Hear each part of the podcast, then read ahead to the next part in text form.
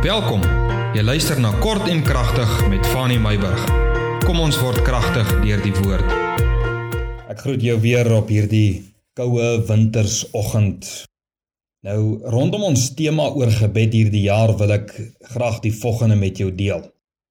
Laasweek toe kuier ons daar in die Noord-Kaap en dit is vir my altyd so lekker om daar te wees vir my kinders en vir my vrou. Is dit vir ons, dis vir ons almal lekker om die omgewing, die ehm um, niksheid van die vlaktes baie keer wat jy oor kyk en die mooiheid van die mense. Hulle sê goed, die Afrikaans wat 'n mens nog kan hoor. Jy weet Afrikaans is in baie plekke al so verengels en ek wil amper sê uitgebaster dat dit is lekker om 'n bietjie die ou plat Afrikaanse taal weer te kan hoor en ons geniet dit so baie en terwyl ons so kuier toe was daar iemand en In hierdie gesprek toe maak 'n persoon 'n opmerking spesifiek oor gebed en sê: "Vir jou siekte moet jy kniedruppels gebruik." Dis waaroor ek met jou wil gesels vanmôre, kniedruppels. Nou, ek wil nou nie vanmôre vir jou 'n wonder mediese middel of 'n natuurlike middel voorskryf wat jy nodig het om van jou knieprobleme ontslae te raak nie, maar hierdie kniedruppels verwys nou na om op jou knie te gaan in gebed en God te nader vir een of ander saak in jou lewe. Jy weet om siek te wees of enige ander situasie te hê wat vir jou uitdagend is en nie die dokter of die sielkundige of die bankbestuurder of vriende om hulp te vra nie, maar God te nader daarvoor.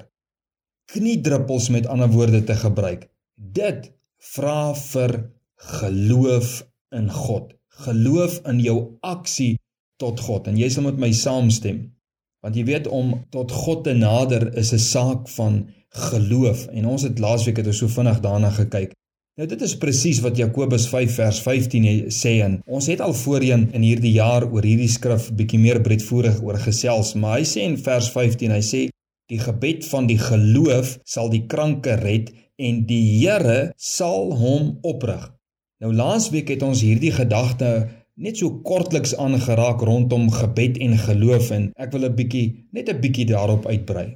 Jy weet wanneer dit by geloof en gebed kom dan voel 'n mens soms buite beheer want God en die oplossing is onsigbaar en moet met geloof benader word.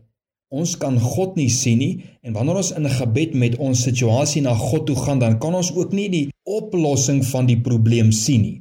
Want jy weet wanneer 'n mens iemand gaan sien, dan sien jy die persoon wat vir jou 'n oplossing kan bied. Wanneer jy die medikasie gebruik, dan het jy iets wat jy kan sien, jy kan dit voel, jy kan dit proe, jy kan dit inneem en dit is vir jou die oplossing. Enige situasie wat 'n mens benader om 'n situasie vir jou op te los, is 'n fisiese ding wat jy kan hoor of sien of ervaar of proe of ruik of beleef.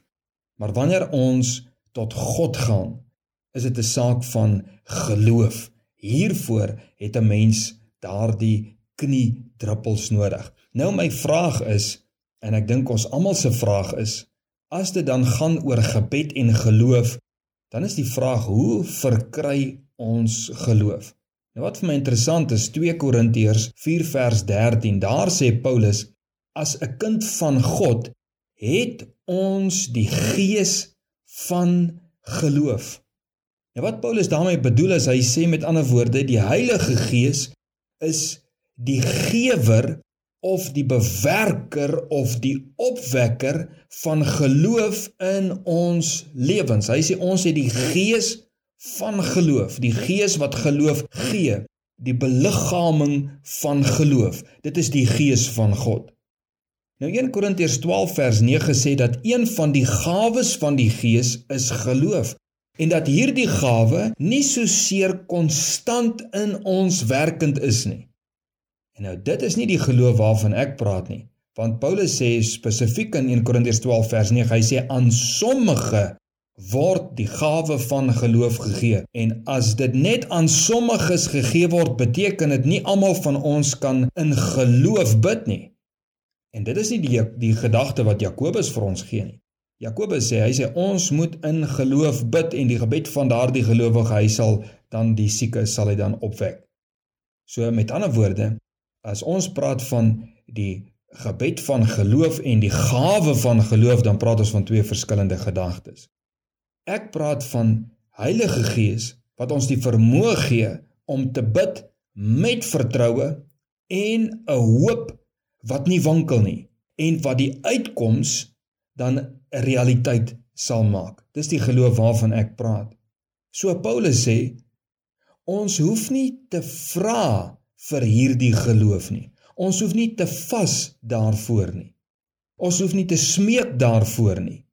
Alhoewel al hierdie beginsels baie belangrik is en tog waar is dat ons wanneer ons bid dan vra ons God. Ons vas baie keer vir dinge. Ons smeek selfs God. En dit is een van die voorbeelde wat ons in die Bybel kry. Maar Paulus sê ons het die gees van geloof. Jy hoef nie te vra daarvoor nie. Jy hoef nie te vas of te smeek daarvoor nie. En as ons dan die gees van geloof het, kan ons bid met geloof. Dan het almal van ons die vermoë om te bid in geloof. Kind van die Here, jy het die geloof om te bid. Hoekom sê ek so? Want die gees van God bly in jou. As ons dan die gees van God het, is ons nie net kinders van God soos die woord van die Here sê, maar ons het die gees van geloof in ons binnekant. So wanneer ons bid, kan ons met geloof bid. Nou Paulus sê in 1 Korintiërs 14 vers 15 dat jy moet met jou verstand bid, maar jy moet ook met jou gees bid. Nou hierdie gees wat hy van praat is 'n klein letter gees en dis nie die Heilige Gees nie, maar dit beteken om vanuit jou geesmens te bid. Ons is liggaam, siel en gees. Hy sê partykeer dan bid ons met ons verstand. Ons bid kennis, ons bid waarheid van die woord. Ons bid oor al hierdie ander dinge wat ons graag wil hê en wat ons wil vermag ensovoorts ensovoorts. Hy sê maar ons moet ook bid met ons gees. Ons moet bid met ander woorde vanuit jou gees mens. Daar is die verstand nie so seer betrokke nie. Dit beteken vanuit daardie plek in jou binneste waar jy God ervaar en waar jy bid deur die gees van geloof in geloof. Dis 'n plek van vertroue, dit is 'n plek van hoop. Daardie soort gebed wat menslik en feitelik onmoontlik is. Maar 'n gebed waar jy in gesprek met God tree by wie niks onmoontlik is nie. Daarom Wanneer ek en jy in die gees bid, die mense wat rondom jou staan mag dalk nie begryp waarmee jy besig is nie en mag dalk nie verstaan hoe jy God so kan vasgryp oor 'n sekere saak nie. Jy bid dalk teenoor die Here en jy vra vir die Here vir volkomme genesing. Die man wat aan die buitekant met sy verstand redeneer, hy sê maar, "Hoe kan jy vir genesing bid? Dis net 'n dokter wat vir jou ons wat nou vanmôre praat oor kniedruppels. Dis net 'n dokter wat vir jou knie kan verbeter en kan vervang. Hoe kan jy dan nou God vertrou vir 'n wonderwerk? Dit is wanneer 'n mens deur die Gees bid, deur die Gees van geloof en in geloof bid. Dis daardie gebed wat menslik en feitelik onmoontlik is, maar 'n gebed waar jy in gesprek met God tree by wie niks onmoontlik is nie. Wanneer jy in die gees bid, dan bid jy omdat jy in die gees voor die troon van God staan en daar praat jy met God met vrymoedigheid. Wanneer jy in die gees bid, dan bid jy nie om mense te behaag nie.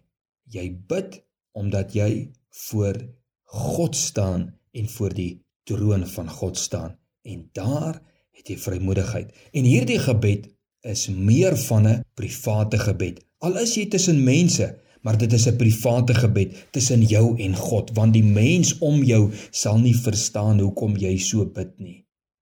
Want die meeste van ons as mense bid met hulle verstand. Hulle bid kennis. Maar om in geloof te bid, om in gees te bid, beteken jy betrek God wat die onmoontlike kan doen.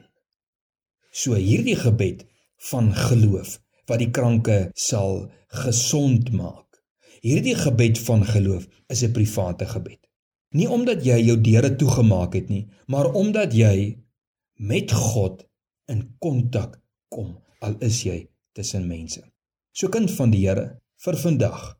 amper in afskop van die week. Ek weet nou ons is al aan dag 2. Wil ek vir jou bemoedig en jou aanmoedig en vir jou sê: gebruik jou kniedruppels vandag. Alle seën en vrede vir die dag wat vir jou voorlê. Ek vertrou dit is 'n mooi dag wat vir jou voorlê. Môre wil ek 'n bietjie met jou gesels oor tel jou kop op. Seën en vrede tot môre.